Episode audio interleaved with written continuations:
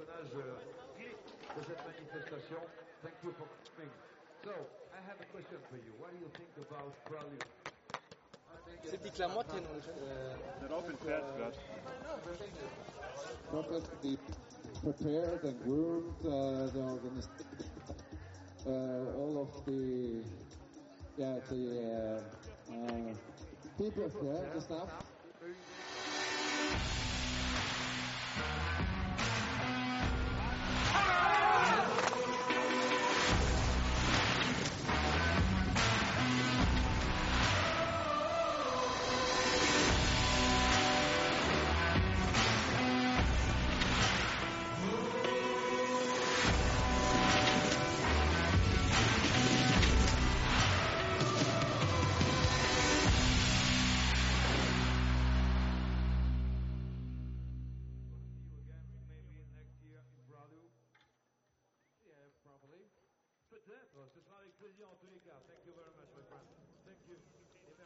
All right. Good morning, ladies and gentlemen. Welcome to day three of the Pralu World Cup Telemark Racing.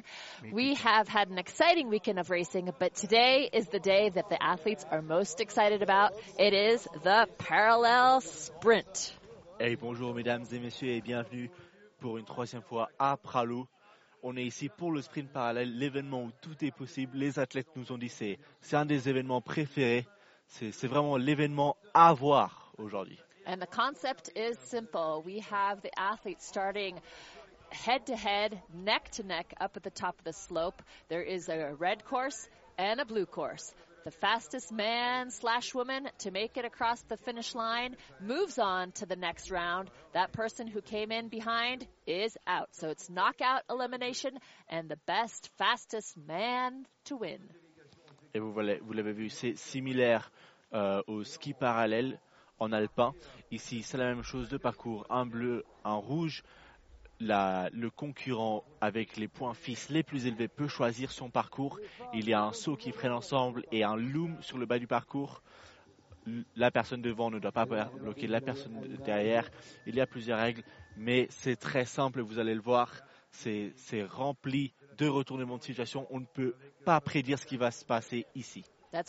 Anybody's race. You could be up with the, the number one, uh, such as uh, the favorites like veteran Phil Lauer, Stefan Matter, or uh, or Trim Loken, and you might be somebody who finished 28th, for example, in yesterday's sprint, but you still have your chances, and that's what makes this race exciting. That it's not determined beforehand. A favorite such as Amélie Raymond, who's won everything pretty much uh, in her career so far, even if she's up against the, one of the lesser strong athletes, it's not guaranteed that Emily will win. Et oui, il y a une atmosphère particulière dans la station aujourd'hui. Tous les athlètes savent qu'il y a une carte à jouer. Personne n'est sûr de gagner. C'est vraiment euh, l'événement euh, de la journée. En tout cas, on l'a vu dans, la, première manche chez les hommes.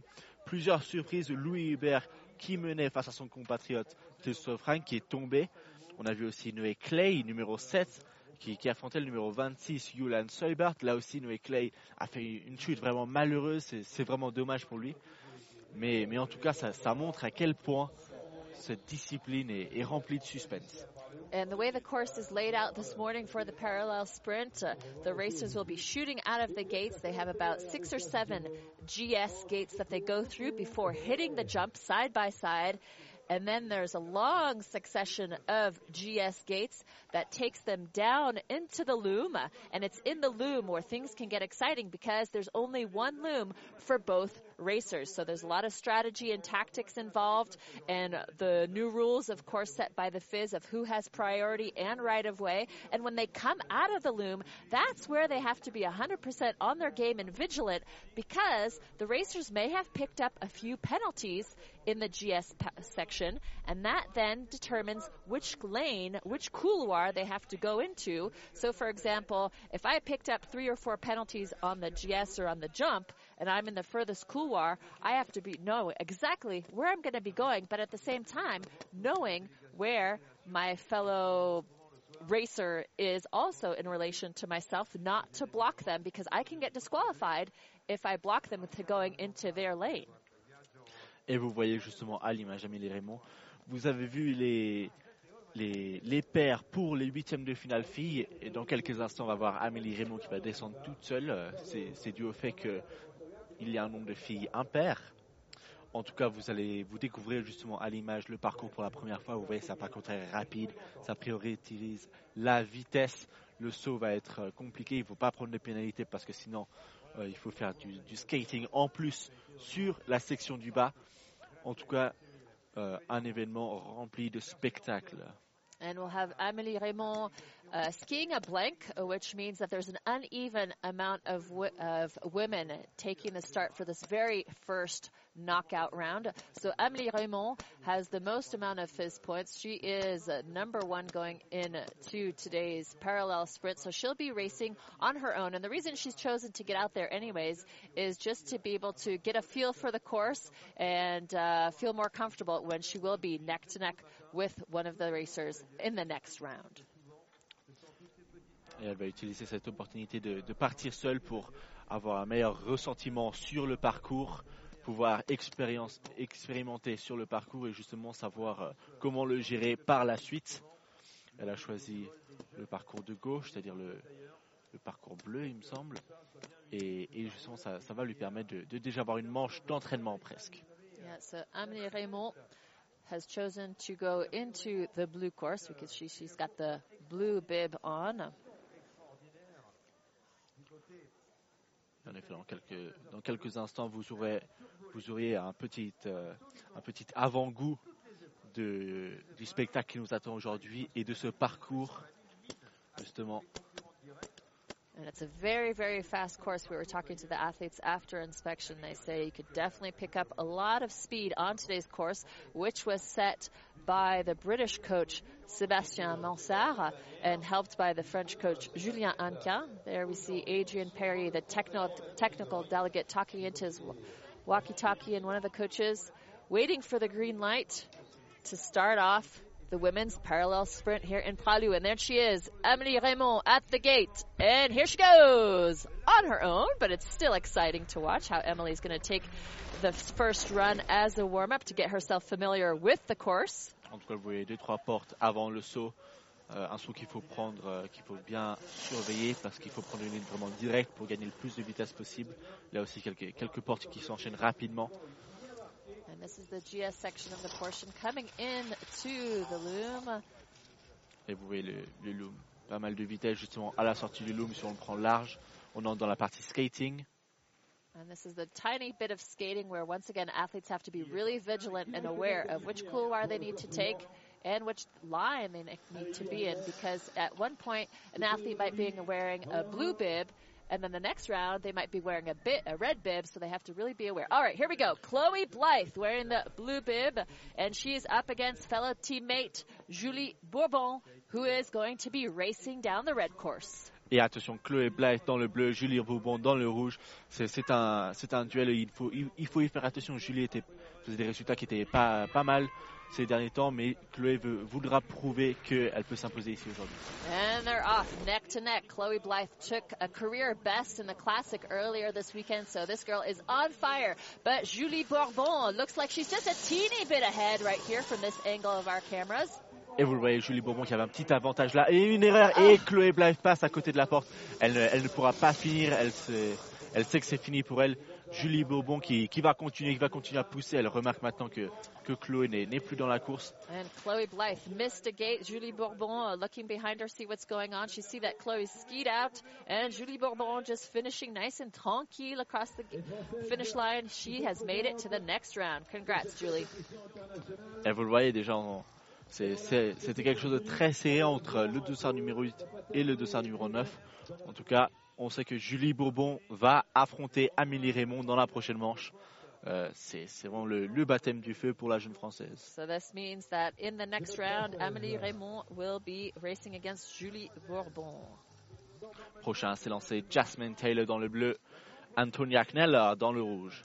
Next heat, we've got Jasmine Taylor versus Antonia Kneller. Jasmine Taylor, she took second overall in the parallel sprint in 2018. Here we go. Girls getting set up to explode out of the start gates. Avec Jasmine Taylor en très grande forme cette saison. Déjà plusieurs podiums à son et une petite erreur sur le départ, mais elle reste devant. Est-ce que Antonia Knella va pouvoir venir la secouer And it's anybody's game. Even though Antonia Kneller is up against one of the world's best telemark skiers, it's still anybody's race here at the angle. Jasmine Taylor is ahead. Une très bonne course pour l'instant pour Jazz, justement. Vous voyez l'avance, c'est très propre. Antonia Knella, on dirait qu'elle a pris une pénalité aussi sur le dessus. Elle est en première dans le loom ici. Jasmine Taylor going into the loom, taking the upper uh, line. Jasmine Taylor coming into the skate portion, going into the couloir that's slightly off to the side. That means she did pick up a penalty, but she's largely ahead of Antonia Kneller. Jasmine Taylor taking the wind, moving into the next round. Vous voyez justement ces couloirs qui délimitent les pénalités. Euh, aussi à mentionner, c'est que la météo est, est très bonne aujourd'hui, contrairement à hier. On voit le, le, ciel qui est bleu en partie, la neige est très bonne, température de neige d'environ euh, moins 3, moins 4, il me semble.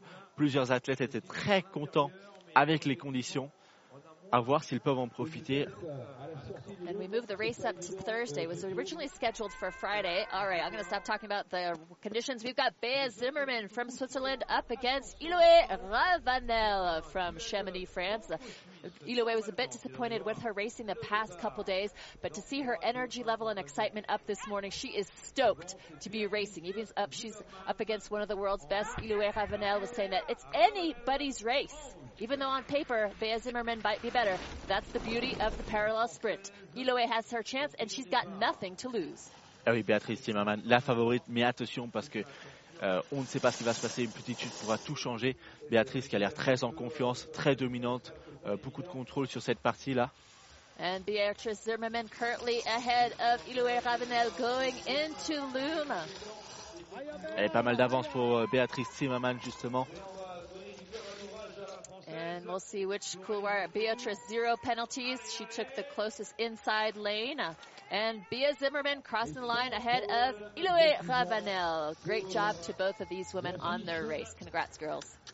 Et Béatrice qui va, qui va continuer et qui va affronter Jasmine Taylor dans la prochaine manche. That means that Jasmine Taylor will be up against Bia Zimmerman in the next round.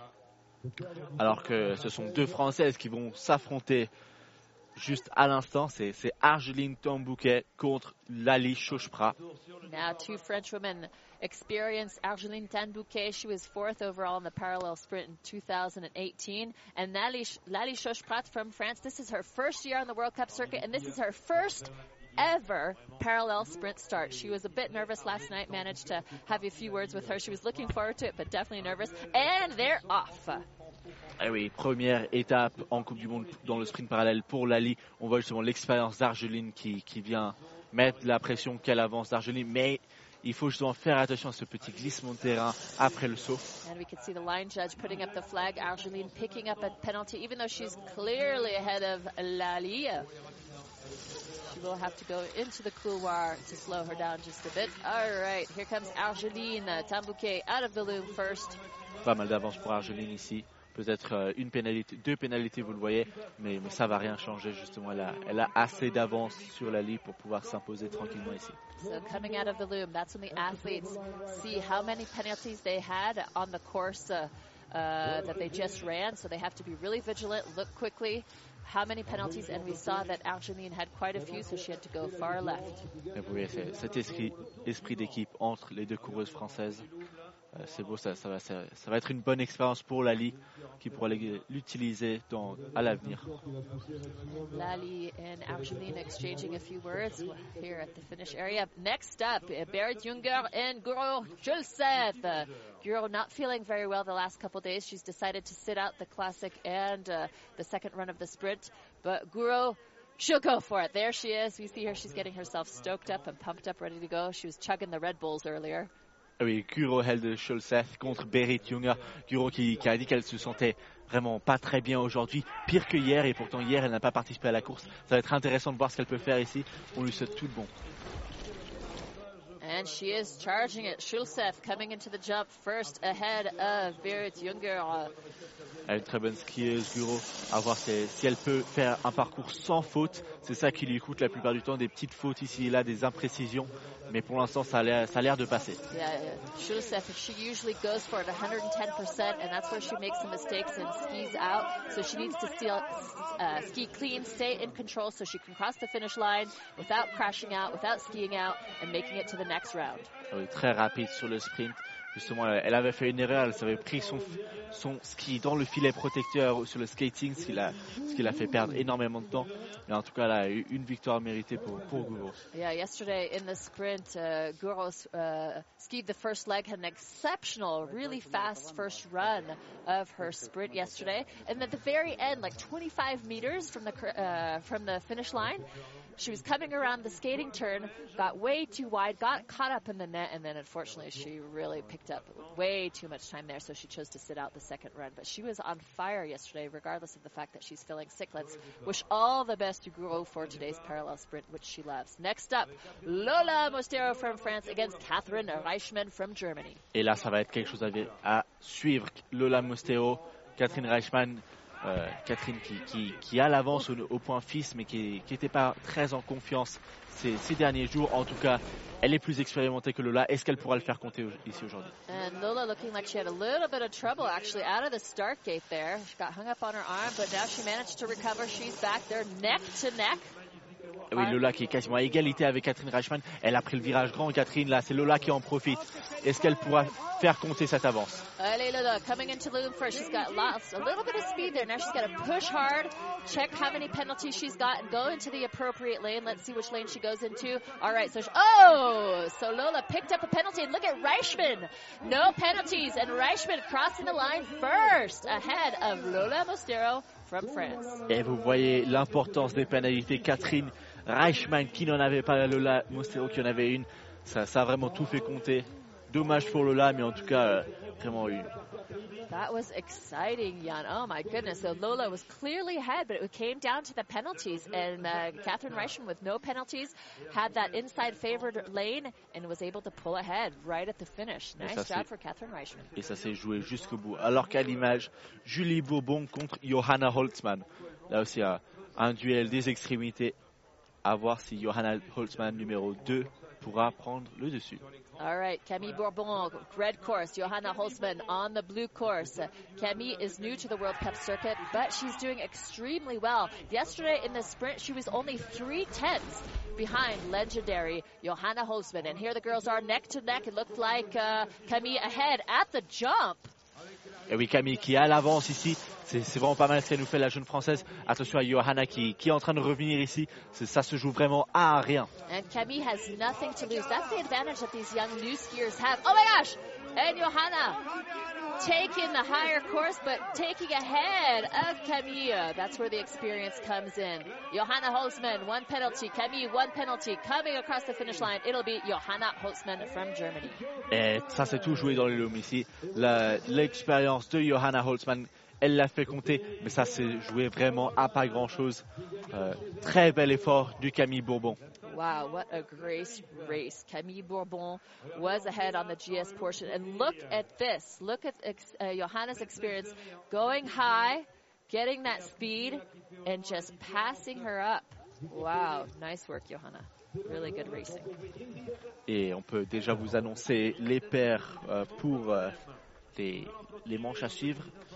Mais on peut, les, les garçons qui vont bientôt s'élancer là, en tout cas, Amélie Raymond va être contre euh, Julie Bourbon. Jasmine Taylor contre Béatrice Timmerman, Argeline Tambouquet contre Guro Helde Scholze, Catherine Reichmann contre Johanna Holtzmann. All right, so for the next round, it'll be Amélie Raymond from Switzerland against Julie Bourbon from France. Jasmine Taylor from Great Britain up against Beatrice Zimmerland from Switzerland. Argeline Tan Bouquet up against Guru Hilde Schulseth from Norway. Catherine Reichmann from Germany up against Johanna Holzmann from Germany. Et là, on voit, on voit les deux Suisses qui se préparent. C'est Gaëtan Procureur qui va affronter le numéro 1, Nicolas Michel. Euh, Nicolas Michel à gauche, Gaëtan Procureur à droite, à voir ce que les deux Suisses peuvent nous faire ici. All right, next up, we're back to the men. Nicolas Michel from Switzerland up against Gaëtan Procureur. Nicolas Michel on the blue course, Gaëtan on the red. The interesting thing about Nico, he just got back from LA about mid January. He was telling us early he's only had three days on the snow before he kicked off his World Cup season in, in La Tuile, Italy. And he had a dream when he was in LA that he was on the podium. And what does he do? Three days on the snow, pops up to La Tuile, and he's on the podium. Anyways, back to today's parallel sprint. Nicolas Michel on the blue course. Et ça se joue à pas grand chose. Là, vous voyez au saut, presque à égalité. Euh, Nicolas Michel, par contre, qui enchaîne rapidement. Euh, quelle fluidité de Nicolas Michel qui, qui fait compter son expérience ici. And Nicolas Michel. Oh, Gaëtan, a mistake at the red gate back there. Nicolas Michel checking what's going on behind him. Now he's just cruising through the roo- loom, not taking any chances. Here he goes into the skating portion. Nicolas Michel did pick up one penalty. We could see he took that couloir skier's left. Still checking behind him, not sure what's going on. Nicolas Michel crossing the line and moving on to Eh, the next round. eh, petite confusion là, il me semble, la, neige qu'a projeté Nicolas Michel lors d'un virage a confus Gaëtan Procureur à voir au ralenti ce qui s'est vraiment passé. L'angle de la, caméra nous a pas vraiment montré, nous a pas permis d'en savoir. Ah oui, euh, il me semble justement Gaëtan Procureur un un peu large là, c'est dommage. Nicolas Michel on the screen there from Switzerland. He was part of the Swiss sweep last yesterday. The Switzerland had a, Team Switzerland had a historic win, winning one, two, and three in the men's sprint. Absolutely phenomenal racing for the for the Swiss team. And now it's the French team, Elie Nabo from France, up against Matty Lopez from France. Alors qu'on avait deux Suisses auparavant, on a maintenant deux Français. C'est Mathie Lopez contre Elie Ba- Nabo. À gauche, Mathie Lopez à droite. Euh, à voir ce qu'ils peuvent nous, peuvent nous faire. Pour l'instant, Mathie Lopez 8e, Elie Nabo 9e. Ça, ça va être serré.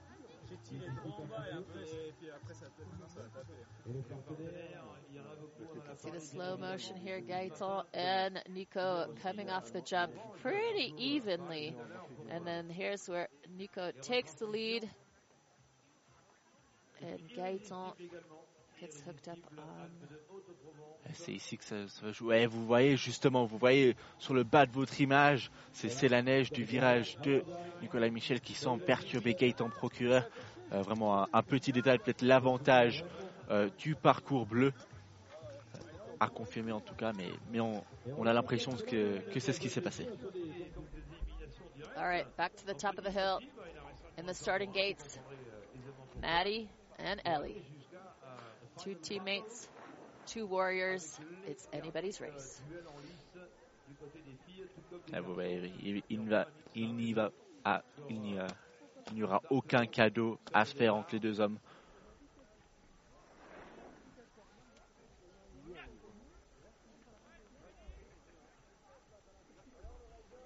Alors attention, là, 100%, Ouais, quel suspense, vous le sentez.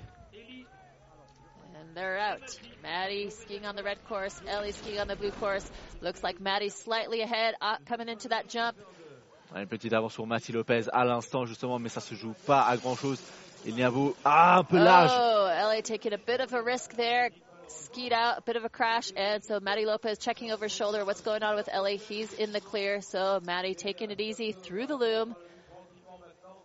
He's Eh oui. checking his bib. Did you see that? Yeah, and he was looking, what color bib am I? Am I red? Am I blue? Am I green?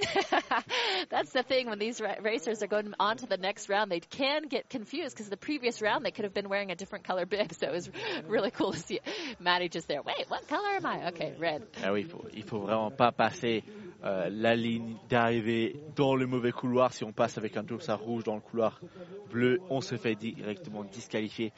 Et justement, il me semble que c'est c'est Mathilde Hilbruck euh, qui l'avait fait euh, il y a deux ans lors des, lors des championnats du monde. C'était pour le titre. Euh, Elle est passée dans le couloir avec le, le mauvais dossard et elle s'est fait, elle a perdu l'épreuve. En tout cas, vous voyez sur une ligne peut-être un peu trop agressive d'Elinabo. All right, here we go now with uh, Yuri Alesh and Amund Moster Hogan. Euh, Yuri Alech qui a battu euh, Arnaud Avocagro qui a chuté justement. Avon Mosterhaugen qui a battu Maxime Mosset. À voir ce que les deux peuvent nous faire ici. And Hogan from Norway wearing the red bib. Aleš from Slovenia wearing the blue bib. Slovénie à gauche, Norvège à droite.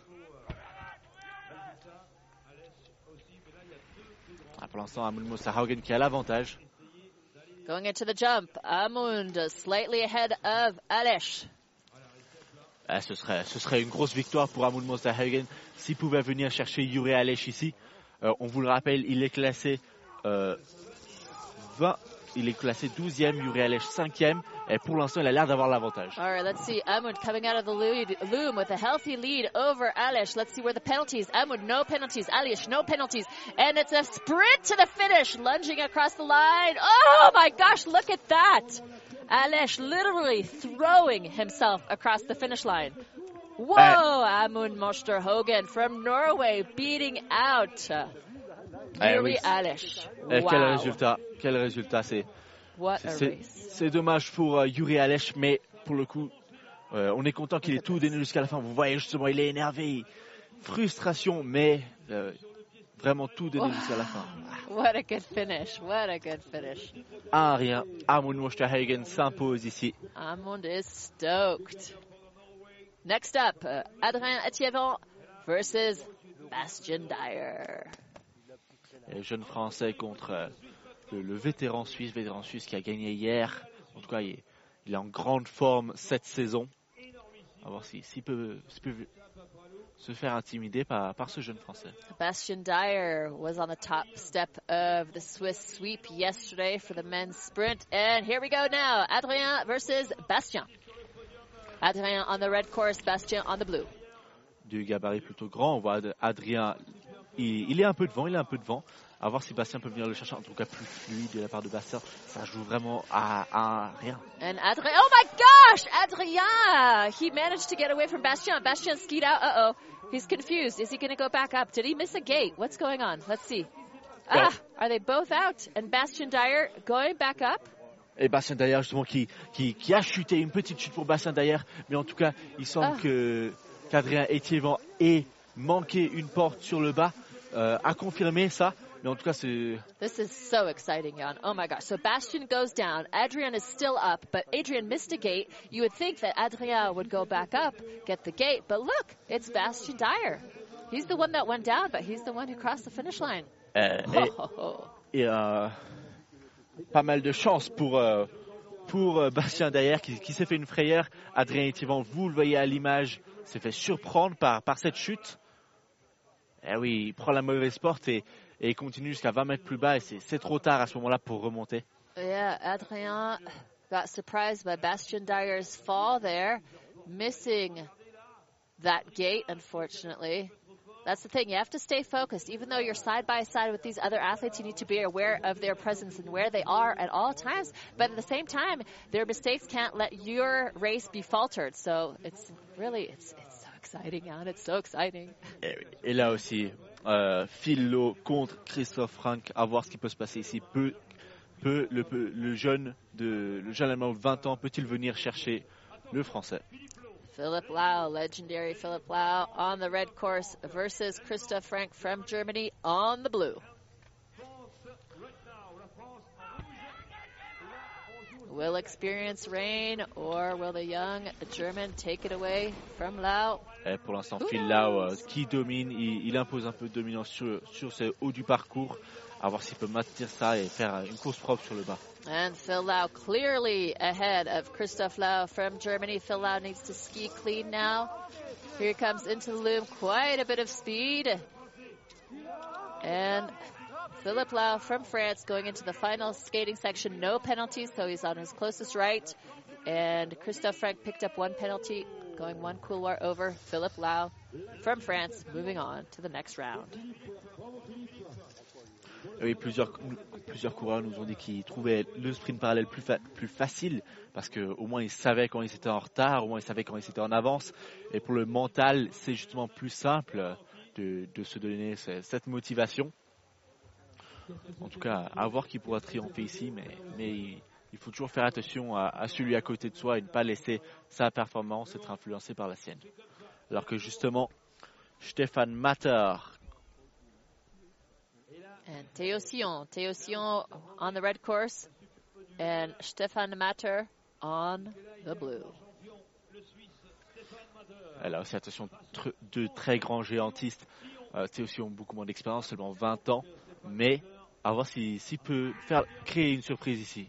And Matter definitely has the experience compared to Sion, but Sion is an extremely good GS uh, skier and a fighter. Théo Sion, 20 years old, currently in the lead. Matter had a little bit of trouble there on his GS getting around that gate with his le- leg lifted up. Oh, Sion having a little bit of trouble neck to neck now. Whoa, whoa, whoa, whoa, Eh, whoa. vous voyez, Oh, vous voyez, justement Théo Sion qui ne sait pas ce qui s'est passé, il, il s'arrête, très fair play de lui en tout cas. Il n'y a pas de problème. Stéphane Matter est coincé dans les filets, Matter, mais, okay. Il indique à Théo Sion de continuer, il me semble. Très fair play de sa part. Uh, Uh, Seal, look at him. Such a good fair play. He stopped his race, wanted to check if Matter was okay. En tout cas, ça à voir. Peut-être, peut-être y aura-t-il une disqualification pour Théo Sion. C'est à confirmer. Euh, il- on ne sait pas encore à voir ce que le jury va déterminer. Mais en tout cas, on, on dirait plus de peur que de mal pour, pour le Suisse. Yeah, On espère que ça reste comme ça. Euh, à voir si Théo Sion se fait disqualifier pour cela. C'est, les-. Et vous voyez, c'est compliqué parce que personne n'avait l'avantage, personne n'était clairement dedans. Théo Sion qui voulait venir prendre l'extérieur bah, et Stéphane Mater qui était déjà. Euh, ça, à voir ce que vont décider les juges. Yeah, we'll see what the jury says on that. Would Teo Seal be disqualified? Not necessarily. I mean, they were they were there together, neck to neck. It looked like Matter was trying to take the outside, but uh, that's where the jury steps in, and that's where their jobs get difficult to make those calls. The main thing is that uh, uh, Stefan Matter, he is okay. We can see here from our perspective if, in the announcer booth. He's standing, he's getting brushed off. His skis are just getting untangled from the net. No damage done. It's all okay. Et en tout cas, malgré cela, il faut noter que c'était une performance excellente sur le geste de Théo Sion. Il collait vraiment euh, sur, euh, sur toute la longueur à Stéphane Mater, qui est vraiment un, un expérimenté de ça, vraiment un expert. Euh, mais, mais en tout Yeah, cas, c'est une très bonne projected. performance de Théo Sion sur, sur le haut du parcours. Yeah, just carrying that speed into the loom and the line that projected Theo Sion, putting him teeny bit wide maybe into uh, Stefan Matter, but uh, there was nothing that was done on purpose. Et on attend le verdict du jury par rapport à cela. En tout cas, est-ce qu'ils vont le donner maintenant, est-ce qu'ils vont le donner plus tard, c'est- c'est à confirmer. Next up on top of the hill, we've got uh, Julien Subert, who will be up against Siver Hule from Norway. Ah oui, Probably won't be for a few more minutes still. We are still fixing the le- netting on the loom here down at the bottom by the finish area. Julian Seibert qui, qui a battu Noé Clay, justement le, le français qui n'a pas eu beaucoup de chance, il est tombé justement juste avant le saut. Julian Seibert qui a réussi à continuer. En tout cas, le- l'Allemand affrontera Sivert Hölle qui a su s'imposer devant Maximilian Huber. Euh, pour l'instant, une, pe- une petite pause pendant que les filets protecteurs sont remis à leur place. Et vous voyez Phil Laoui, Mathieu Lopez à votre écran. En tout cas, tout, tout le monde aura son opinion sur euh, ce petit incident, cette chute.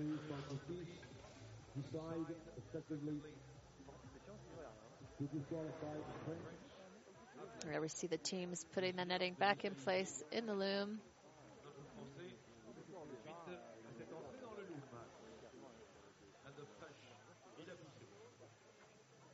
En tout cas, c'est très particulier ce, ce- cet ordre de qualification par rapport au point FIS. Dans les autres sprints parallèles, il y aura un tour de qualification et ce sera le temps qui sera compté. Et par rapport au temps, les coureurs pourront choisir leur, leur couloir préféré. Le, le coureur avec le meilleur temps des deux pourra choisir justement s'il préfère euh, le parcours rouge ou le parcours bleu. En tout cas, ici, on a estimé qu'il n'y avait pas assez de temps pour ça euh, que la météo va empirer vraiment dans l'après-midi. Donc on s'est dit directement de, classer tout le monde par point fils, euh, ce qui explique le fait que, les personnes comme Nicolas Michel partent première déjà. Mais, en tout cas, euh, c'est intéressant à voir. et ça nous promet beaucoup de spectacles. And in t- today's race, uh, the format was a teeny, teeny bit different from a usual parallel sprint. Usually on a parallel sprint, the racers will go down the course one by one and get clocked on their time, and it's their time that then dictates who gets to choose which couloir, whether it be the blue course or the red course, which one they want to race. But today, because the weather has uh, uh, been definitely a factor in the logistical choices and decisions made by the TDs and the race directors. There was no qualification race, and it was based on Fizz points. Who has the most Fizz points basically gets to decide which course, whether red or blue, they want to take. Et oui, on, on l'a dit, les, les conditions sont, sont, vraiment parfaites aujourd'hui. Il y a eu à peu près 5 cm de neige, peut-être un peu moins sur euh, au, fur et à mesure de la nuit. Ça, et ça a permis euh, à tout ça d'être propre, de la neige fraîche, très, très dure justement, mais pas glacée. Donc vraiment idéal pour, les, coureurs qui l'affirmaient auparavant.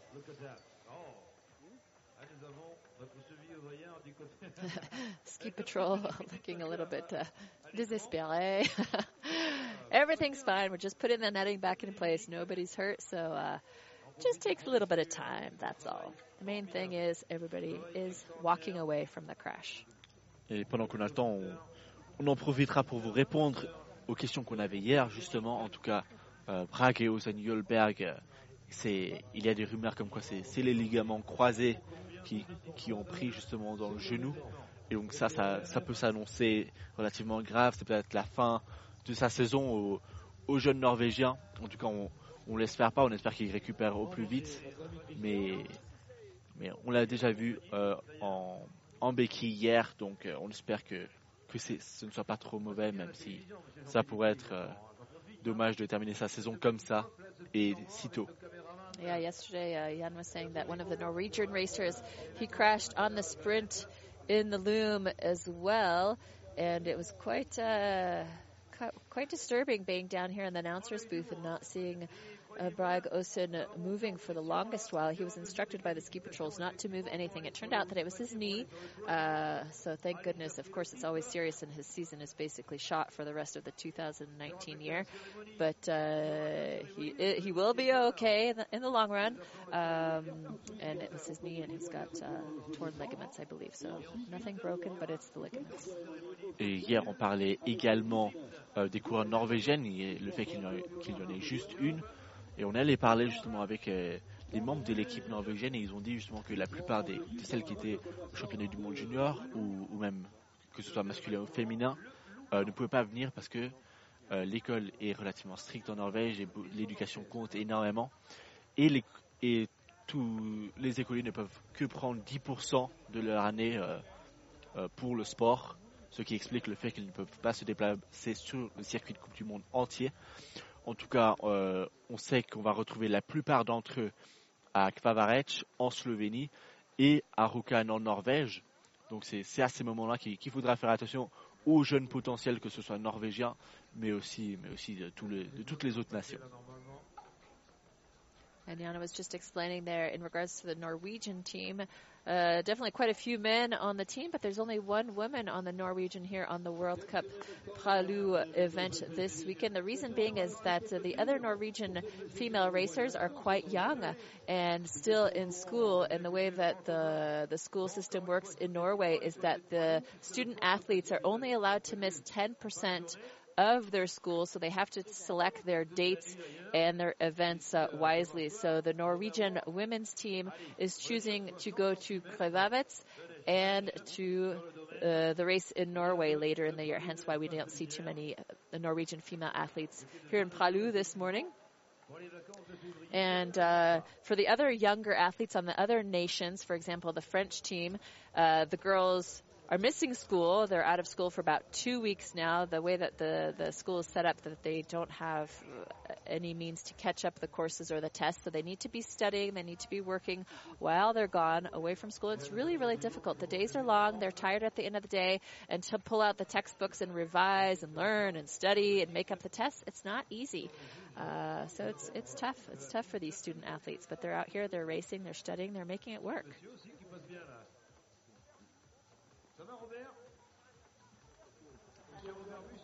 Et on est encore en train de patienter pour l'instant. euh, pendant que tout soit, remis parfaitement. Ça a l'air- d'être prêt, ça a l'air d'être fait. Donc on, va recommencer dans quelques instants avec euh, Julian Seibert et Sivert Hull. On les voit à l'image justement, Julian Seibert avec euh, la combinaison caractéristique d'Allemagne. Les, les zèbres, après, les couleurs varient. En tout cas, il a choisi le parcours de gauche, alors que Sivert Hulle a pris le parcours de droite. And we've got Julian Subert from Germany on the blue course. He'll be up against Sivert Hulle from Norway on the red course. We hope these uh, men did not get too cold during this race interruption. We've seen them at the at the starting gate up there for a while now. All right, we've got the green light. Julian Subert versus Sivert Hulle. Here we go. Et les deux qui font partie des, des grands gabarits, en tout cas Sivert Huelle et spécialement. Euh, c'est- un très bon skieur, très bon skater également. À voir si, si, si Julian peut venir créer la surprise comme il l'a fait lors du premier tour face euh, à, à son compatriote justement. And Sievert having an extremely good start to his run. He exploded out of the start gate, but boom, crashed into a gate, and Sievert Hule is down. Julien Subert again racing against somebody who crashed out. Julien Subert now from Germany being able to just ski his way nice and tranquille through the loom across the finish line. Oh my goodness. Julian was up against Noe on the first round. Noe crashed out. Julian's up against Sievert on the second round. Uh, uh, Sievert crashed out. Gosh, nobody's going to want to race against Julian anymore. Anytime they do, they crash out. Et oui, une deuxième course sans souci pour Julian euh, qui euh, il a il couru contre Noé Clay qui est tombé lors de la première manche. Maintenant, c'est Sivert Hull qui finit malheureusement par terre. En tout cas, on le voit, il se relève, il n'y a pas de souci pour le Norvégien. Euh, on voulait et oui, il a trébuché trop sur l'avant et euh, quel dommage pour Sivert Hull justement. Mais, bon, ça, fera d'autant plus d'expérience pour euh, Julian Seibert qui continue à nous étonner. Le jeune garçon et n'avait pas réussi à finir ses courses, que ce soit le sprint ou le classique ici lors des journées précédentes. En tout cas, maintenant, il est déjà passé euh, jusqu'au presque quart de finale. Il va affronter le prochain. C'est Trim Nigar Leuken à gauche et Corey Snyder à droite. Next up, Corey Snyder from the U.S. on the red course against Trim Loken from Norway on the blue. Here we go, ladies and gentlemen. Anybody's race, as we have seen so far. Trim Loken and Corey Snyder neck to neck on the jump. Corey Snyder looks like he's just a teeny tiny bit ahead, but now Trim Loken takes the lead ahead of him, looking nice and smooth through these GS gates, going very round. Corey Snyder justement qui, qui a pris la neige de Trim. En tout cas, ça joue à pas grand chose. Ah, une petite mésaventure pour Corey Snyder. C'est Trim justement qui va pouvoir s'imposer si il par- parvient à faire tout euh, solide. En tout cas, un très bon skater. Il ne perd pas de temps là-dessus. And Trim Loken from Norway crossing line ahead of Corey Snyder. Trim did take a penalty. Corey did not, but Trim Loken still crossed the line ahead of the American. Ah vous, voyez une petite imprécision de la part de l'Américain juste là.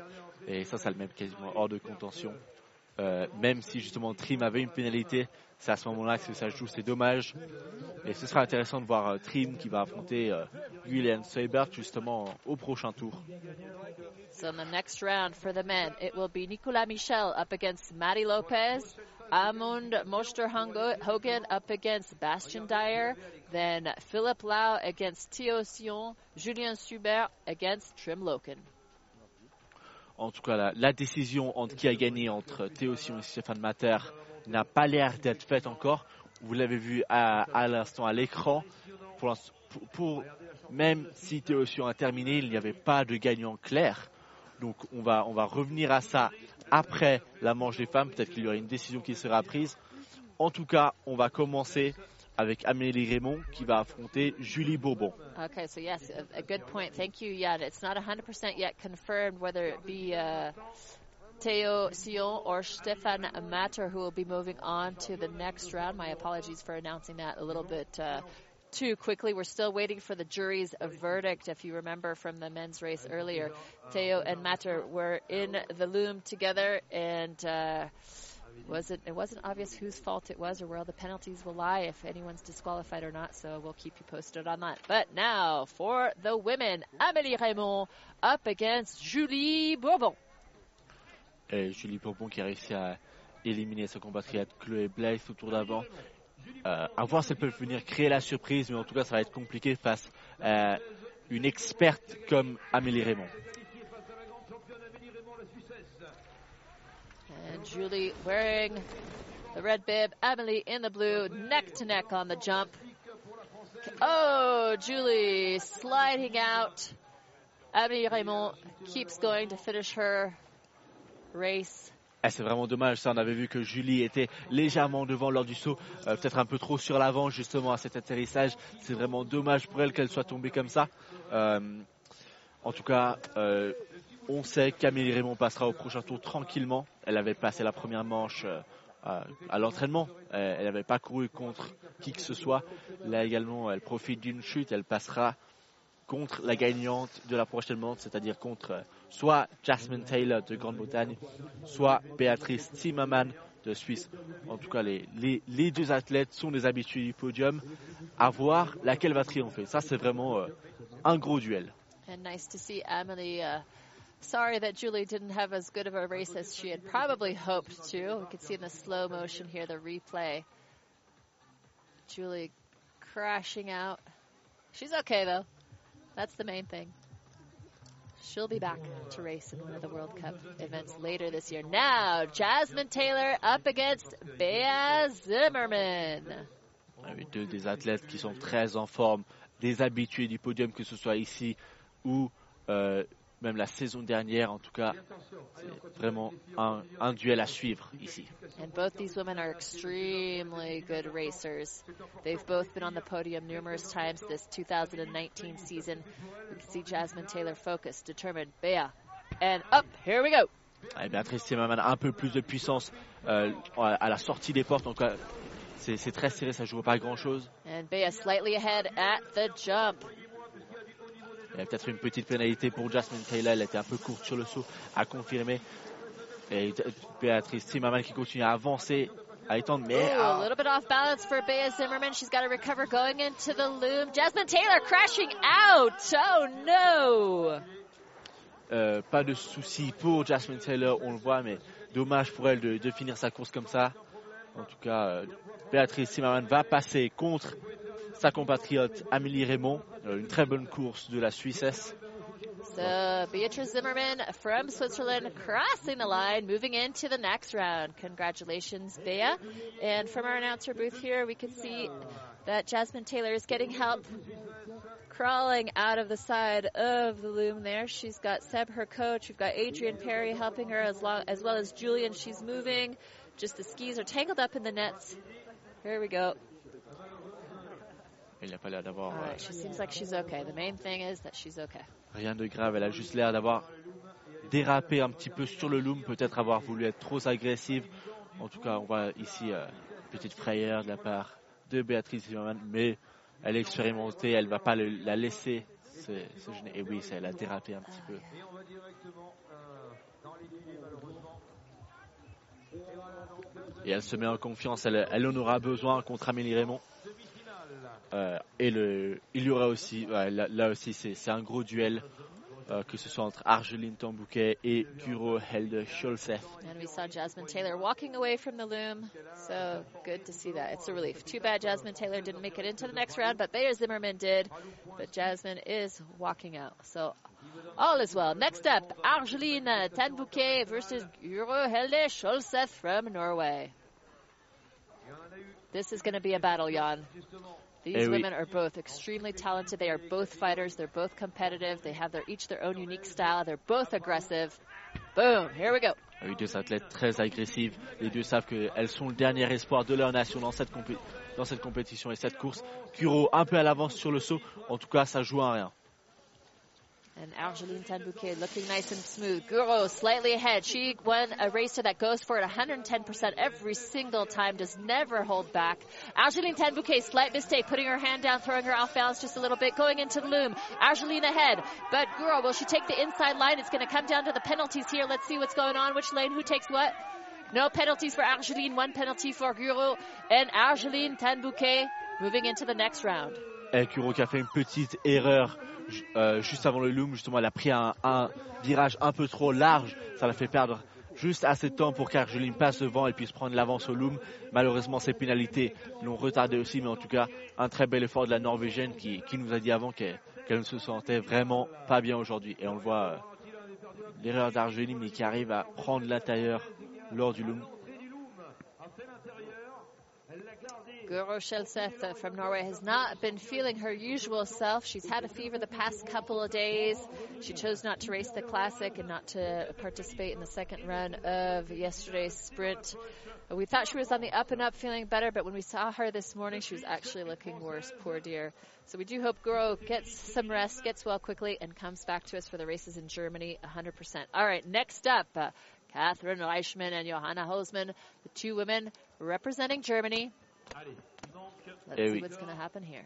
et, et les deux Allemandes qui s'affrontent ici. Johanna Holtzmann, grande favorite, mais attention à Catherine Reichmann.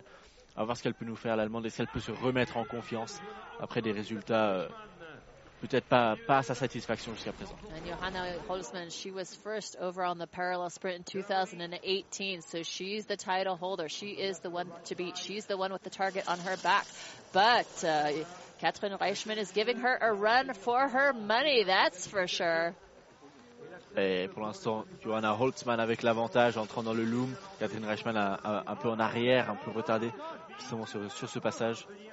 And Johanna Holzmann coming into the skating portion, she picks up one penalty, we could see, and uh, Reichmann picks up two penalties, depending on the lane that they need to finish through. And Johanna Holzmann moves on to the next round. Ah, Une victoire convaincante, ça va la mettre en, en confiance, Johanna Holtzmann. Et elle en aura besoin pour Arge- affronter Argeline Tambouquet. So in the next round for the women, it'll be Amélie Raymond versus Bea Zimmerman, two Swiss women going neck to neck, and Argeline Tanbouquet versus Johanna pénalisé.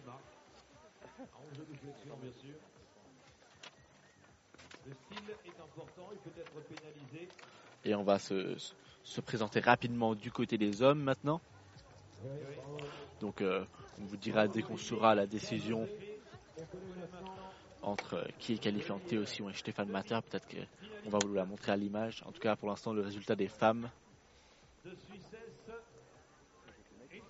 Oh, ça promet, ça promet. Et pas de surprise au niveau du classement. Justement, toutes celles qui avaient plus de points ont gagné. On continue jusqu'à la prochaine manche. And we can see the skies are trying to stay blue here in Pralou. The weather has been on and off, on and off the past couple days. One morning we got 25 centimeters of unexpected fresh snow. Today, later in the day, they are announcing quite a big dump, hence why we moved this race forward by an entire day. There's only three parallel sprint events on the World Cup calendar, so it was really important for the race organizers to be able to put this event in place. So even though the athletes are tired, going three days of racing in a row, they prefer skiing tired rather than not skiing at all and not having an overall globe at the end of the season. Et vous avez vu justement à l'image dans le dans le l'écran précédent, c'était Masa Strakel qui, qui était tombée lors de l'entraînement du classique. Elle, elle est tombée, elle n'a pas pu faire le classique. Elle sera euh, dehors avec blessure, peut-être jusqu'en Allemagne, jusqu'à Bad Oberlang. Mais en tout cas, elle, est ici, elle est ici pour supporter euh, ses amis et ses, ses athlètes. See Chloe Blythe there with her iPhone taking pictures. Eloe's big, huge smile next to Julien and the other athletes who are all slope side to encourage Matty Lopez on the French team. There he is in the gray uh, race suit and the red bib. Et Mathieu Lopez qui va venir affronter euh, l'expert Nicolas Michel. À voir Nicolas Michel qui est entré euh, à la tuile avec seulement trois jours de ski. Euh, la plupart de cela était juste de l'alpin pour, pour se remettre en marche. Mais en tout cas, incroyable ce qu'il nous fait cette saison, Nicolas Michel. Très peu d'entraînement et des, des résultats impressionnants. J'espère qu'il peut continuer ça aujourd'hui ici. Nicolas Michel. Chance premonition dreams about his results today, as he did while he was in LA for his race in La Tuile. There we see a close up of the young Swiss man Here we go, Seb and Jasmine Taylor on our screens. Seb is French, but uh, he is Jasmine's coach. Jasmine, as we know, skis for Team Great Britain.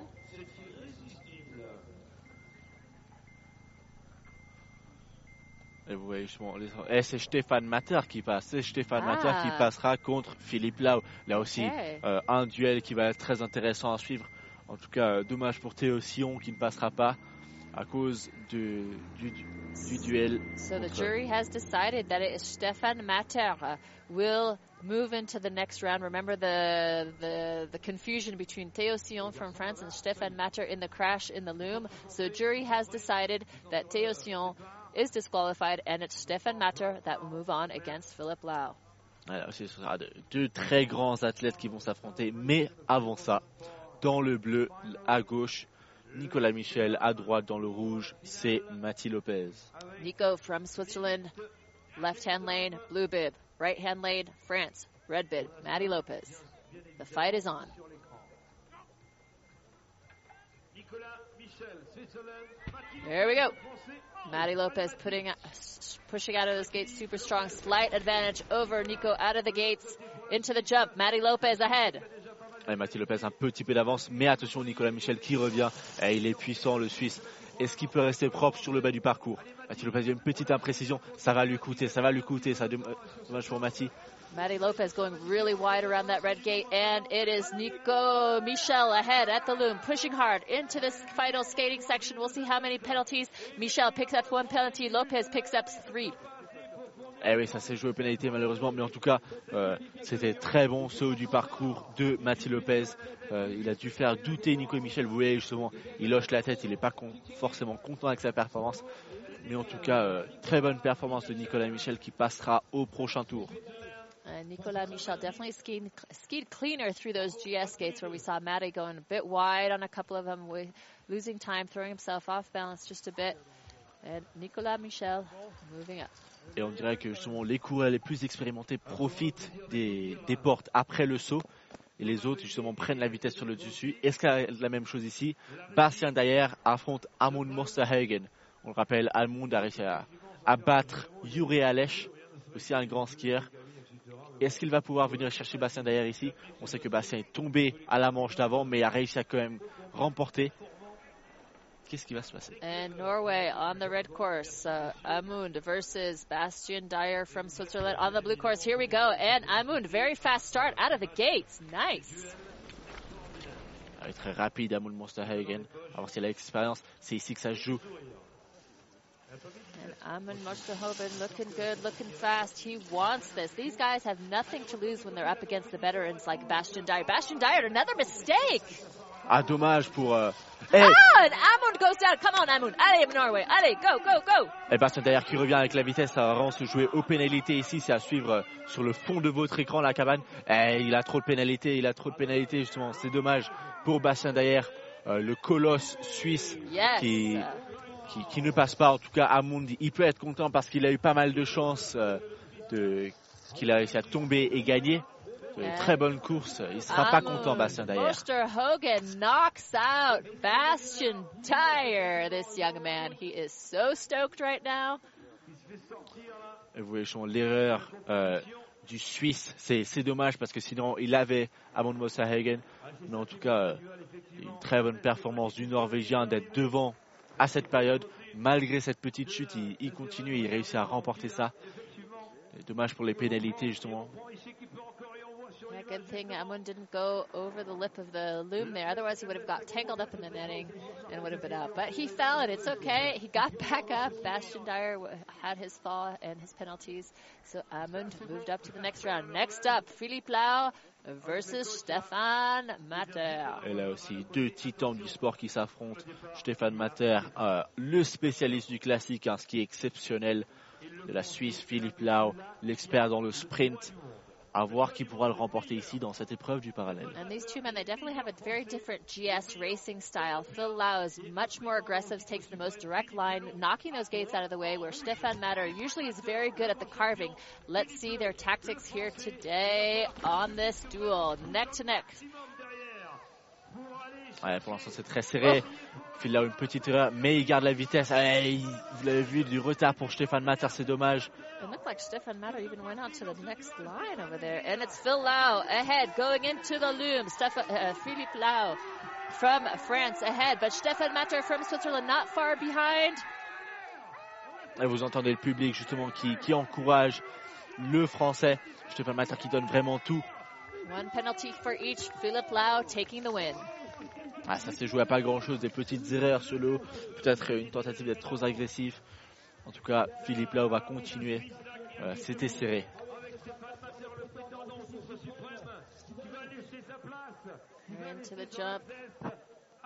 It was just slightly ahead, and Stefan Matter had a hard time landing that jump. We could saw, we saw he was hanging on to all he had with it, and then boom, right leg going up, thrown off balance. Et vous l'avez vu, deux, trois portes après le saut, c'est là que Stéphane Matter a, a perdu la course. C'est dommage pour lui, justement un peu large, passé dans la neige douce. Et ça l'a fait pas, pas mal de vitesse. Et là aussi, un gros, un, un gros duel. Trim Leuken, un des grands favoris contre Julian Seibert, passé deux fois euh, chanceusement contre des, des adversaires qui sont tombés. Mais en tout cas, il ne faut pas démériter le français, le- l'allemand, excusez-moi, l'allemand, jeune potentiel, à voir ce qu'il peut nous faire. All right, Julian Subert from Germany, red course, Trim Loken, one of the heavy hitters, one of the favorites on the blue course. Ouais, beaucoup de potentiel pour l'allemand, il faut vraiment pas le sous-estimer. Euh, même un athlète comme Trim, euh, faudra faire attention à lui. Son ticket pour les finales. Avec le, Neck to neck on the jump. Julian looking. Oh, a bit of mistake there on the jump. Here comes Trim Loken. He keeps going. Julian has chosen to ski out and stop his race. Uh, Julian has had problems with his ankles, and he skied out of the past two races, the Classic this weekend, as well as the sprint format. Really having problems with his ankle mentally, getting over the, the pain that he remembers from his injuries and crashes last year. And Trim Loken moving up to the next round. He'll be racing against Phil Lau from France. Une victoire pour Trim Leuken sur euh, Julian Seubert. Il, il n'a pas terminé sa course, l'allemand. Euh, une petite imprécision. Et, c'est dommage pour lui, justement, ça fait, ça trois fois qu'il n'arrive pas à terminer une épreuve. En tout cas, il, aura, il se sera imposé, il aura marqué pas mal de points fils en, allant affronter Trim, Trim. Il aura battu, il aura battu des, des bons concurrents. En tout cas, au prochain tour, on retrouvera Nicolas Michel contre Amund Mosterhagen et Phil Lau contre Trim Leuken. So for the next round, it will be Nicolas Michel versus Amund Mosterhogen and Philip Lau against Trim Loken. Et pour l'instant, euh, Amund Mosterhagen qui fait la différence, c'est le seul qui est classé au-dessus du numéro 10 et qui arrive à, à s'imposer vraiment. Il, il, il, il crée un peu la surprise, le Norvégien, et, et c'est bon pour lui, c'est bon pour le mental. On espère que ça va lui inspirer confiance contre Nicolas Michel. Very well said, Jan. Yeah, Amund Mosterhogen is definitely creating the surprise for the men's uh, race here today. We see Bea Zimmerman there pounding her chest, doing her sign of the cross. And she's going to be up against Amélie Raymond once again. Two Swiss women who will be battling out head to head. It's anybody's race. Euh, c'est dommage pour le coach suisse justement qui qui va pas être content que deux de ses athlètes s'affrontent alors que une aurait alors que et que seulement une peut arriver jusqu'en finale. En tout cas, euh, nous on, on ne peut pas attendre de voir ce, ce conflit entre les deux Suissesses, deux, deux coureuses très expérimentées. Qu'est-ce qu'elles peuvent nous produire ici aujourd'hui? Louis Hubert à votre image de tomber dans la première manche, dommage pour lui. See Arsène Tan Bouquet in her bubble, closing her eyes, focusing before the battle against Johanna. Sur euh, une petite pause comme on en a l'habitude pour le, le temps que le, la neige soit enlevée du parcours euh, et que ce soit beaucoup plus rapide pour les coureurs qui descendent, qu'il y ait moins de possibilités de, tomber et de faire des imprécisions. Et c'est euh, l'Allemande.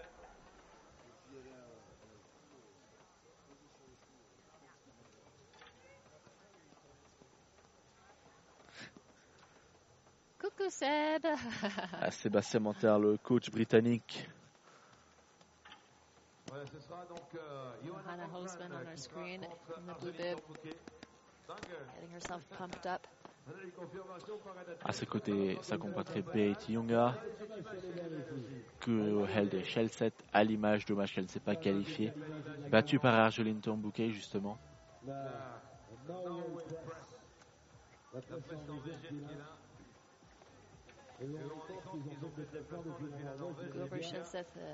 not sure how many more years she'll be racing her next uh, steps in life or to complete her degree to become uh, a teacher.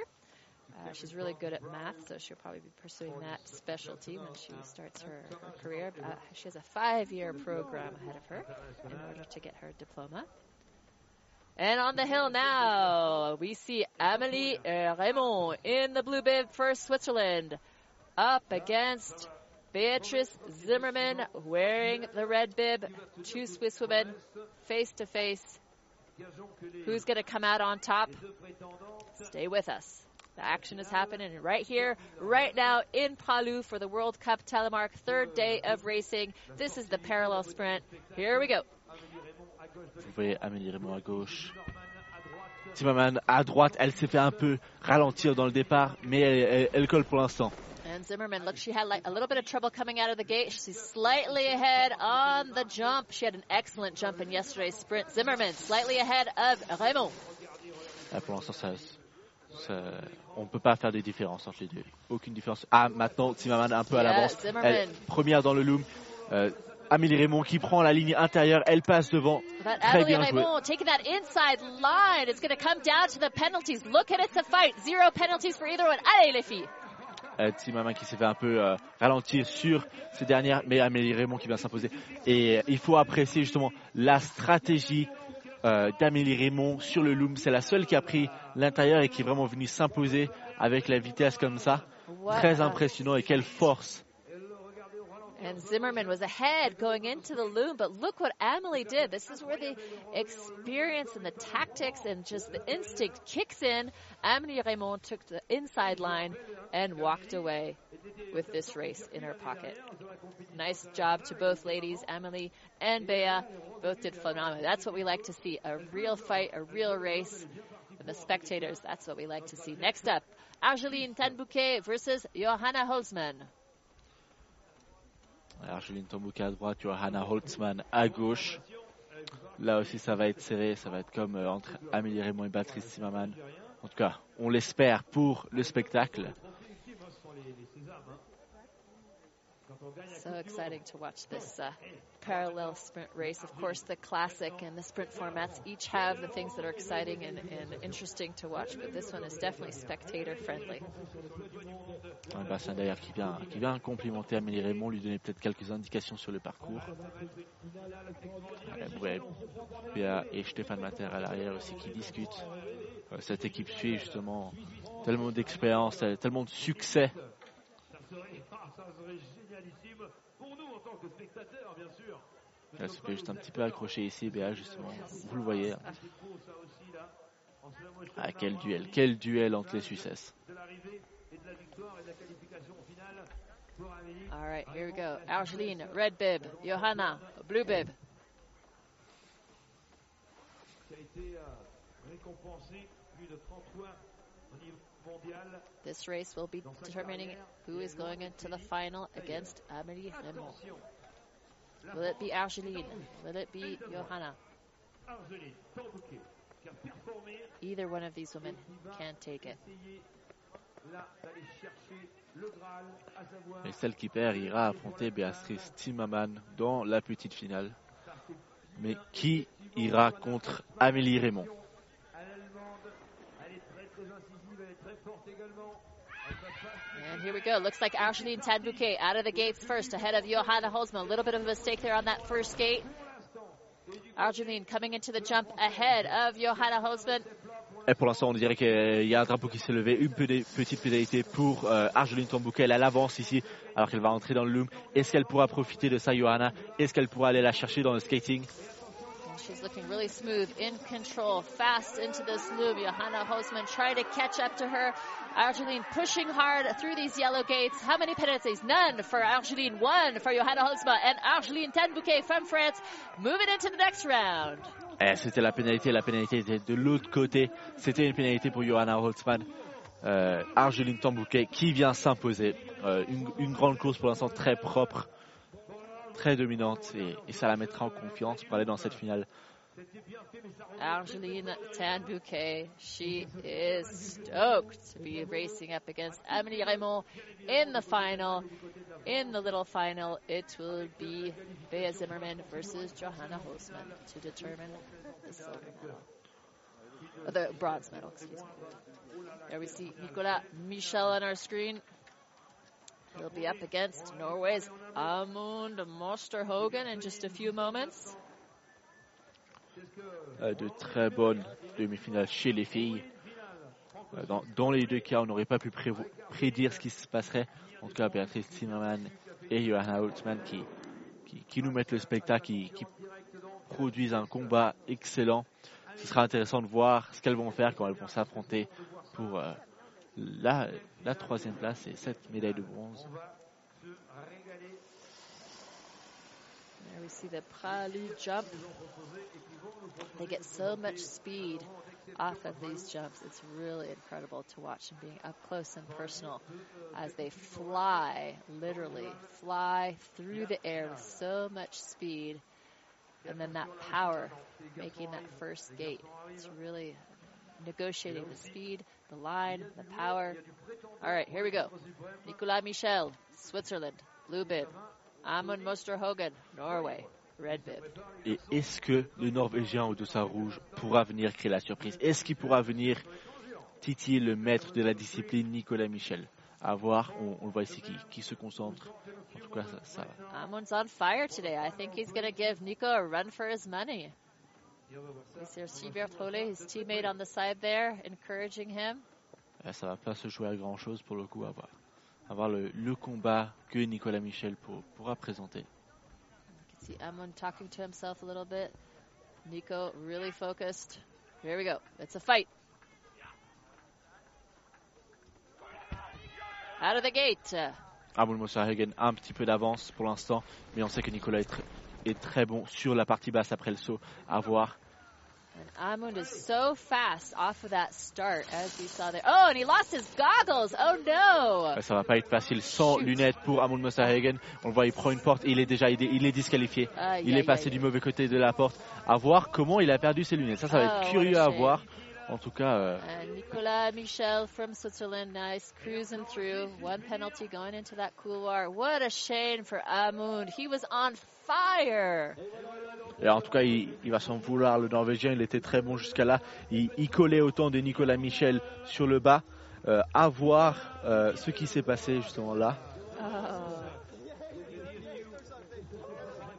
Beautiful smile for Amund Mosterhogen. He's definitely disappointed, of course. Such a silly thing. And when they're going that fast, they need their goggles. It's impossible to race without your goggles when you're going at that speed. Plus, if the skier in front is slightly ahead, you have the snow that's flying up, so you're totally blind. There's no way you can race. Ça ça va pas, être facile. On espère revoir les images dans quelques temps. Mais avant cela, Phil Lau contre Trim Leuken. Trim en grande forme cette saison. Il, a gagné tout à la tuile. Après, c'est Phil Lau qui est venu s'imposer euh, dans, le- dans les sprints suivants. En tout cas, c'est l'expérience contre la jeunesse, presque, on pourrait le dire. Trim And I think gauche. the TV cameras. It's actually Trim Loken on the right hand side on the red course and Phil Lau on the left. So the TV screen uh, indications are off. You need to flip those. Trim Loken, Norway on the right, Phil Lau on the left, France. Un Allez. très bon départ de Phil, un très bon départ, mais attention parce que Trim, il, il il est bon sur le GS. Trim Loken, he's very dynamic in his GS skiing, very clean. And Phil Lau, he's very aggressive, taking the lead ahead of Loken, fighting, battling it out. Loken going wide. Ah, pour l'instant, ça, ça joue pas à pas grand chose là. Phil avec l'avance ici, il s'est imposé sur la partie haute. Mais attention, Trim, c'est un skater excellent. Et il survole la compétition dans cette discipline. Est-ce qu'il aura le temps de venir le passer? Ça va pas jouer à grand chose. And they're fighting to the finish, but it looks like Lau, look at Loken literally throwing himself head first over the line, but it's Phil Lau from France who takes the lead. Sorry, these TV screens are wrong. The winner is not Loken. It's, there is a mistake. There's something wrong with the timing system. It's clearly Et oui, Phil Lau. les- les- le display justement qui, qui s'est trompé entre les deux SAR à ce moment-là, mais en tout cas, euh, un- une performance incroyable de Trim Loken qui, qui, qui s'est vraiment battu jusqu'au bout. Et il aura donné du fil à retordre à Phil. And that finish for Loken, head first, you'd think there was like a pool to plunge into or something. Awesome job, Loken. What a good fight, a good race. He saw Phil Lau slightly ahead of him. He just decided, why not? Just jump in there head first. You never know. il n'avait pas beaucoup de skating et, et pas beaucoup de place justement pour, pour Trim, pour, dé- pour qu'il puisse dépasser euh, Phil Lau. Dommage pour lui, mais en tout cas une très belle victoire pour le Français qui, qui vient s'engager en finale contre euh, Nicolas Michel, le Suisse. So the final will be Nicolas Michel from Switzerland up against Philip Lau from France to determine the Pralu parallel sprint gold medal winner. Euh, ce sera intéressant de voir euh, ce que Amund Mosterhagen peut nous produire avec ses lunettes contre son compatriote Trim Leuken. Là aussi, ça va être un, un combat à suivre. Yeah, it'll be Norway against Norway. Amund versus Trim, two Norwegian skiers. Again, Amund is on fire today. Too bad that he lost his goggles, but uh, it'll be interesting to see what these two Norwegians will be duking it out for the little final to de- de- determine that bronze medal position. Et très brièvement, vous avez vu à l'image euh, un, un directeur technique qui est venu donner un dossard rouge à Phil là-haut. Et ça veut dire que justement, c'est Nicolas Michel qui, qui choisit le rouge, euh, qui, qui choisit le bleu, excusez-moi. À voir euh, ce que ça va produire, ce qui- parce que c'est la, première fois qu'il ne pourra pas forcément choisir Phil. And Amélie Rebon keeping to the blue course.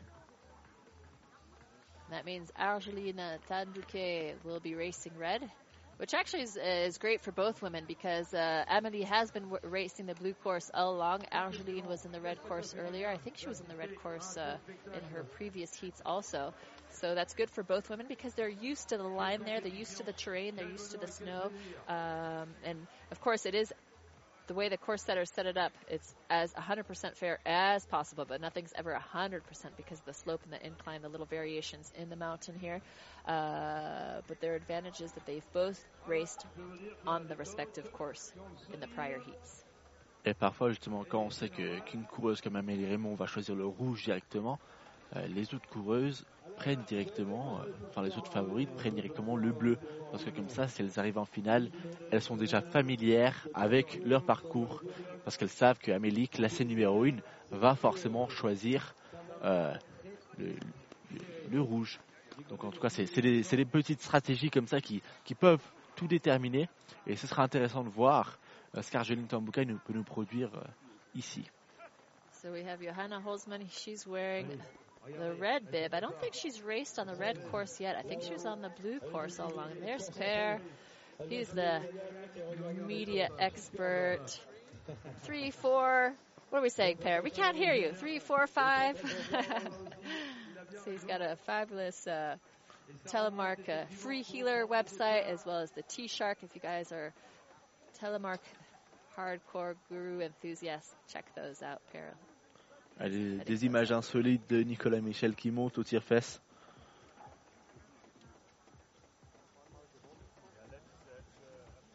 Julian Schubert from Germany in the red helmet there alongside fellow German teammates. Chris Frank, Antonia Kneller et Maximilian Huber. À l'image justement les Allemands qui, qui, qui n'ont plus grand monde dans la compétition. Enfin, plus personne, on peut le dire, à part Johanna Holzmann qui se, qui se présentera contre Beat Zimmermann. En tout cas, ce, ce sera intéressant à suivre. Alors qu'à l'image, Amélie Raymond. Amelie Raymond on our screens there.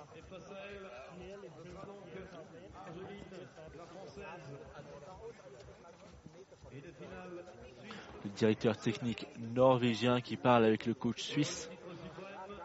Intéressant. On voudrait bien savoir euh, ce, ce qui se mijote. strategy going into the loom? Is it better to be on the red or is it better to be on the blue?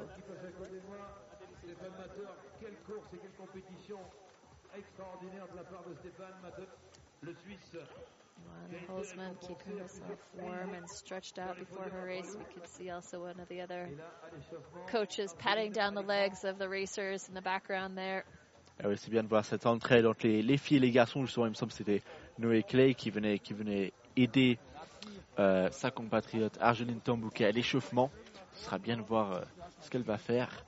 En tout cas, c'est cet esprit de famille à l'intérieur euh, des, des équipes nationales de télémarque, c'est- toujours euh, très beau à voir. Nous avons des impératifs horaires à respecter, puisque cet événement, je vous le rappelle, bah, avec les fuseaux horaires, diffère évidemment. Et c'est du live stream, donc c'est du direct à travers la planète, dans le monde du télémarque et du ski, sous la houlette évidemment de la FIS. Amelie Raymond staying warmed up. Et vous avez même la possibilité sur vos tablettes, sur vos smarts, euh, de voir toutes les courses sur live stream, direct live stream Pralou. Johanna Holzman and behind her Argeline Tanbouquet. Il y aura donc du replay sur toutes les compétitions de la semaine à Pralou. Alors là, Et, et c'est curieux ça, pour le coup, on se serait dit que c'est Argeline Tambouquet. Apparemment, elle ne passe pas, elle ne passe pas en finale. Et ça, c'est des nouvelles, parce que c'est Johanna Holtzmann qui vient affronter euh, Amélie Raymond. Pour l'instant, c'est très, serré, mais, une petite surprise pour nous, peut-être pour, vous aussi à, la maison. yeah, we're a bit confused here. So it's Amelie uh, Raymond versus Johanna Holzman. We thought it, uh, it was going to be Amelie versus Argeline, but here we go. It's Johanna who's slightly ahead of Amelie going into the loom. Amelie, is she going to take the inside line? It is a fight. Et attention, c'est très serré. Johanna qui arrive juste à la pousser, mais elle n'a pas de pénalité. Ah, et la ah non, Suisse qui vient s'imposer grâce à cela. Euh, incroyable, justement. C'est, ça s'est tout joué à la pénalité. Très bon effort des deux filles. Euh, incroyable, incroyable. Quelle, quelle- quelle, fini, quelle finition. What a race. It came down to the penalties. Amelie Raymond from Switzerland taking the lead with this inside line and then zero penalties. Zero penalties going into the skating section. Johanna picked up a penalty, so she had to go to the further outside lane, which cost her the race. Et la médaille d'or sera donc pour Amélie Raymond aujourd'hui. Mais attention parce que là aussi ce sera tout aussi intéressant à suivre qui va pouvoir monter sur le podium en troisième place entre Argeline Tambouquet et Béatrice Zimmermann. So Argeline Tanbouquet from France on the right, red bib. In the blue bib from Switzerland on the left, it's Bea Zimmerman. This race will now determine the bronze medal for the women's parallel sprint. The first parallel sprint of the 2019 season on the World Cup calendar. Allez les filles. Ouais, ça va être serré là aussi. Deux très bonnes athlètes. Euh, Peut-être plus d'expérience pour Béatrice Zimmermann sur le circuit de Coupe du Monde. Mais attention au style très agressif d'Argeline Tambouquet. And Argeline Tanbouquet out of the gates faster than Bea. Here she is attacking the course. A slight advantage going into the jump for Argeline Tanbouquet. Et là aussi c'est très serré. Elle, elle rattrape un petit peu sur le bas euh, Béatrice, Hol- Béatrice Zimmermann. Eh, oui, elle, Oh rattrape et une chute. Oh, Bea goes down, and Argeline Tanbouquet steering clear of the accident zone, going into the loom. Argeline looking to check if Bea is okay. Skating through the final gates, and Beatrice Zimmerman getting help from the people on the side of the slope. Argeline Tanbouquet, bronze medal winner. Et on espère qu'il n'y a pas trop de soucis pour Béatrice Zimmermann alors que tout le monde se, précipite autour d'elle pour, pour vérifier. Ah, vraiment dommage cette chute, elle, collait autant.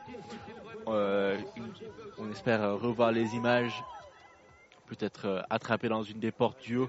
On espère qu'à la chute il n'y a aucun problème. Elle avait, avait l'air de, avait l'air de tomber sur euh, le dos, peut-être la tête aussi. Here we see the slow motion,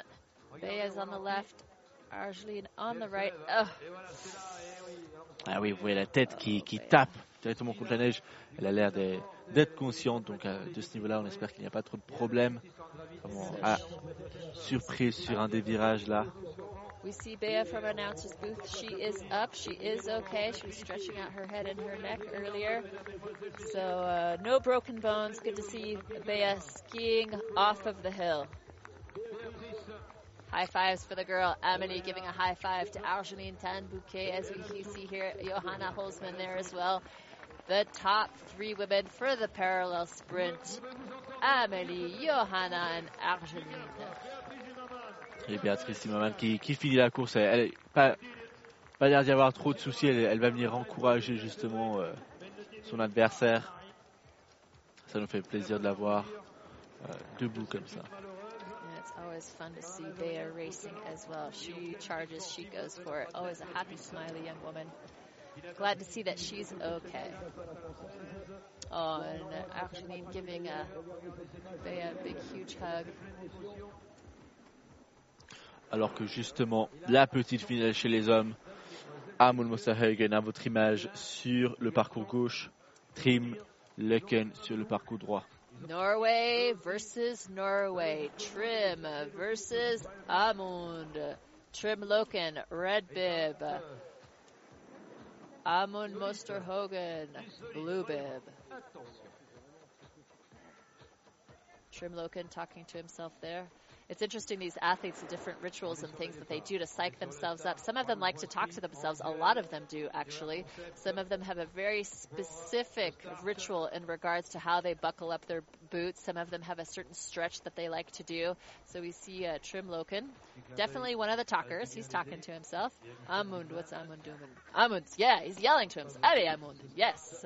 So both these Norwegians talking to themselves before the race start, getting themselves pumped up and ready to fight. Là, ce serait incroyable, une victoire euh, pour Amund Mosterhagen ici qui vient de chercher la troisième place. Ce serait vraiment exceptionnel pour lui, mais ça va pas être facile parce que euh, il y a l'athlète principal norvégien dans le télémarque face à lui. En tout cas, Trim Leken, c'est c'est un des grands favoris.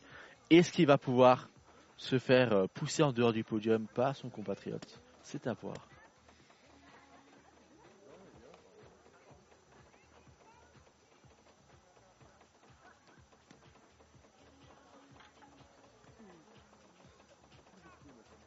Let's hope that Amund can keep his goggles on this time. Eh oui, on a, on a toujours pas eu l'opportunité de revoir ces images de comment Amund a perdu euh, ses lunettes. En tout cas, on espère les, les revoir parce que ce sera intéressant de voir ce qui s'est passé. Oh ouais, c'était juste qu'il allait tellement vite qu'avec les puissances devant, ben voilà, ça les a arrachés, tout simplement.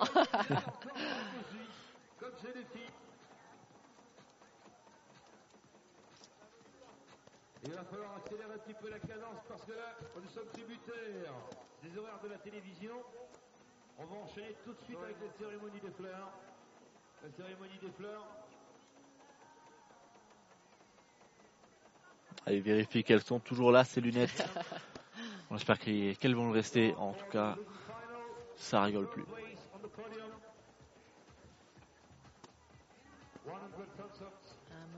Hogan keeping his body warm, stretching it out in the background there. We see Nicolas Michel from Switzerland. Forcément, un Norvégien, le podium. Nicolas Michel qui va s'élancer dans quelques instants après cette course.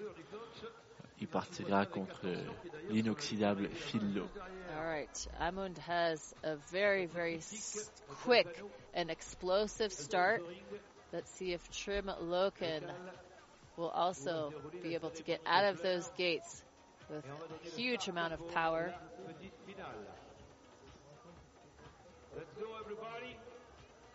Technical delegate Adrian Perry has been working countless hours relentlessly from the early morning hours up until late at night. Big thanks to Adrian Perry for all the work that he's put in for this World Cup. There we go, close up of Trim Loken. Malgré que les deux athlètes hein, font partie de la même délégation, puisque-là c'est très bien, il n'y a pas un seul mot d'échangé sur la ligne de départ entre les deux athlètes de haut niveau du côté de la Norvège. Il est là, le coach. And there's Per again saying hi to all of us. Hi, Per. Il est content parce qu'il a Euh, tout le monde vraiment qui, qui retient son souffle pour ces, ces deux dernières descentes hommes. Ça, ça va, ça va s'élancer dans quelques instants. Voilà, merci. Maintenant, en tout cas, on, on vous le rappelle, Trim Leken a choisi le parcours rouge. Almond Mosterhagen a donc euh, dû se résoudre au parcours bleu.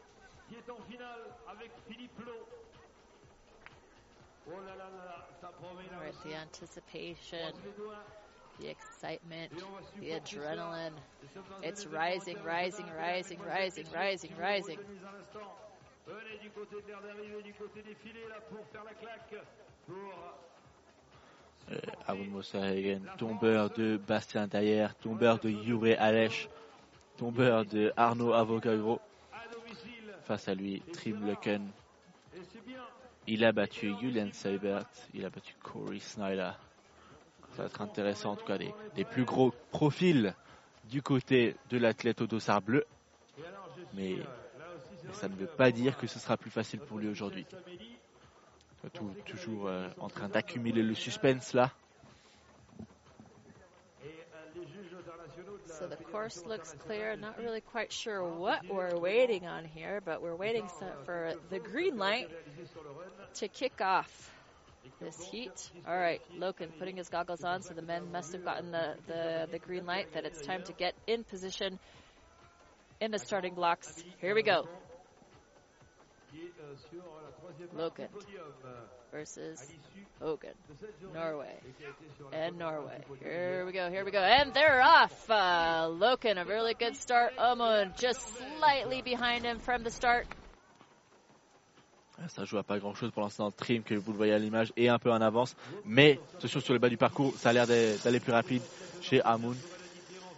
And Loken on the red course, slightly ahead of Hogan on the blue. Coming into the loom, it is clearly Loken who is ahead. Euh, là, les deux experts du skating, en tout cas, maintenant qu'il est premier, euh, il me semble qu'il va aller chercher cette troisième place. Euh, en tout cas, très bonne performance d'Amul. Dommage qu'il ne puisse pas venir chercher cette troisième place, mais, mais incroyable quand même qu'il soit là.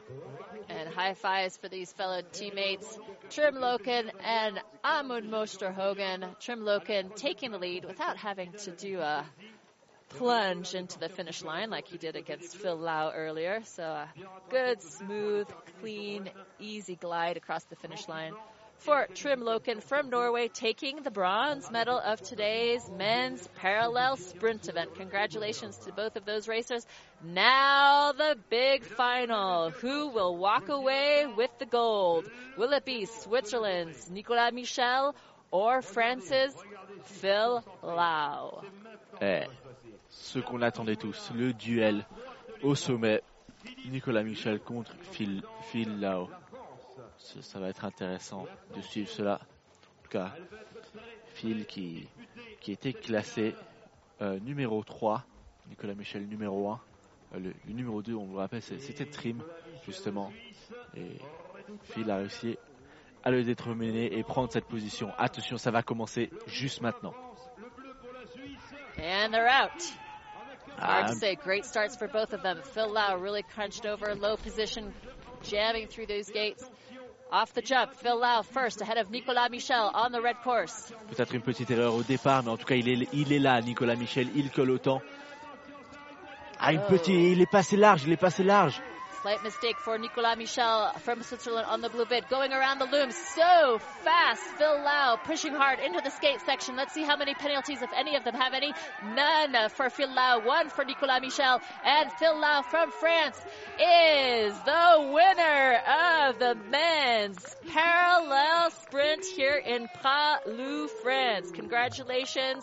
Phil Lau, congratulations, uh, Nicolas Michel, and congratulations, Trim Loken from Norway. That's the podium for the men. Eh oui, quelques imprécisions, mais en tout cas, une très bonne course des deux hommes.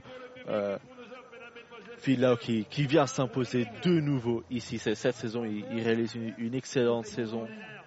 Et malgré tout ça, il faut, on doit vous le rappeler parce que ça se voit pas. Il a 32 ans, le vétéran français. Incroyable ce qu'il nous réalise ici.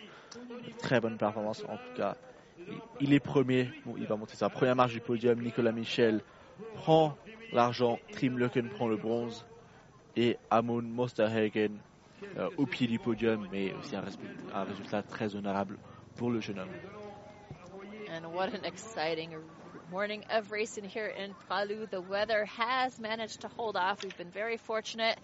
And it was a good call by the by the TD, by the race organizers, by the race director for moving this race forward a day. It's been a beautiful, exciting day. We are so happy for all of these athletes, and it was really cool this morning to be here because the energy, uh, even amongst those who knew that they necessarily didn't have a chance for the podium, but they knew that they were out there to fight and have a good time, and it was definitely a different feel compared to the stress levels of the pr- prior days. Um, so we had a fantastic time out here. We hope all the athletes are happy. We're happy, aren't we? Happy, Jan? Yeah, of course we are. We're so happy. no, thank you. It's been a great three days, Jan. I enjoyed commentating alongside you and hope there'll be more to come. Eh oui, trois, jours de compétition incroyables. En tout cas, c'était très serré lors des trois jours, des, des résultats incroyables. C'était c'était très agréable de pouvoir commenter ici en compagnie de, de Monica, avoir euh, la, la remise des, des prix à suivre. En tout cas, des, des courses incroyables, certainement. And stay with us because we will have the flower ceremony, I believe, here at the finish area, just momentary. We'll leave you in peace to have uh, some peace and quiet in your TV. We've been uh, yelling at you out of excitement for a, a little while now. Stay with us for the flower ceremony. Commencer le plus rapidement possible alors qu'on revoit cette finale sur l'écran. Quelle finale Qu'est-ce que c'était beau Exceptionnel Et nous irons avec l'hymne de la FISE accueillir la cérémonie des fleurs et récompenser les filles et les garçons sur le podium respectif de la journée. Et la grande cérémonie aura lieu un petit peu plus tard en début d'après-midi sur le front de neige avec un petit barbecue des plus sympathiques que nous ont préparé nos amis du Loup Blanc, la Dream Team du Loup Blanc et son orchestre, et on ira là-bas faire les podiums et les hymnes pour la cérémonie officielle de clôture de cette étape internationale de Coupe du Monde de télémarque en direct de Pralou. Pralou qui a encore une fois sur le toit du monde et ce de fort belle manière grâce à cet événement international.